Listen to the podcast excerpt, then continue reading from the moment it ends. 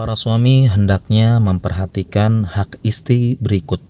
Wa min haqqi zaujati ala zaujiha taufiru maskanin aminin laha. Di antara hak istri yang wajib ditunaikan oleh suami adalah menyediakan tempat tinggal yang aman bagi istrinya. Kemudian wala yajuzu lizauji ayyuskina ma'a zaujatihi ahadan tatadarraru biwujudihi ma'aha. Dan tidak boleh bagi suami menempatkan bersama istrinya orang lain yang kira-kira akan membahayakan atau tidak disenangi oleh istri keberadaannya walaupun itu dari keluarga suami semisal ibunya, adiknya, bapaknya dan sebagainya. Kemudian bolehkah istri menolak tinggal serumah dengan mertua.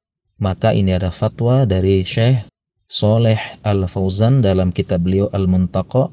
Beliau berkata, selama istri Anda tidak ingin tinggal di rumah orang tua Anda, maka Anda para suami tidak bisa memaksa. Bisa-bisa mungkin Anda yakinkan orang tua Anda mengenai masalah tersebut. Tempatkanlah istri di rumah sendiri dan tetap berbakti kepada orang tua, menghubungi, berbuat baik kepada orang tua semampu Anda. Islam adalah agama yang sempurna, sangat memahami psikologi hal ini. Istri dan mertua perempuan adalah wanita yang memakai perasaan dan bahkan mendahulukan perasaan.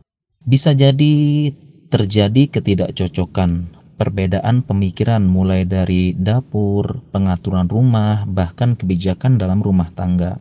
Bisa jadi istri sekedar salah menaruh letak piring di rak dapur ini menjadi masalah besar dan berkelanjutan terus-menerus. Oleh karena itu, hak istri sangat besar. Hak istri yang sangat dasar yaitu mendapat tempat tinggal seperti rumah sendiri meskipun kecil dan ngontrak. Lalu bagaimana jika istri tidak mau serumah dengan mertua? Apa solusinya? Ada beberapa solusi. Yang pertama, Apabila rumahnya besar, maka rumah bisa disekat, dipisahkan dapurnya. Apabila dua lantai bisa dipisahkan lantai satu dan lantai dua, pisahkan dapurnya, pisahkan peralatan rumah dan pisahkan kebijakan pengaturan rumah antara istri dan mertua.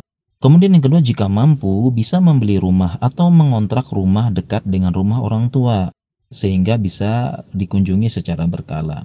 Akan tetapi jika memang terpaksa harus tinggal, maka suami harus sering-sering membesarkan hati istri, menghibur bahkan meminta maaf karena tidak menunaikan hak utama istri dalam pernikahan. Semisal berkata kepada istri, "Maafkan aku, istriku, saya harus berbakti kepada orang tua. Mereka sedang sakit dan perlu serumah. Tidak apa-apa ya, Semoga nanti anak-anak kita berbakti kepada ibunya karena melihat saya berbakti kepada ibu saya.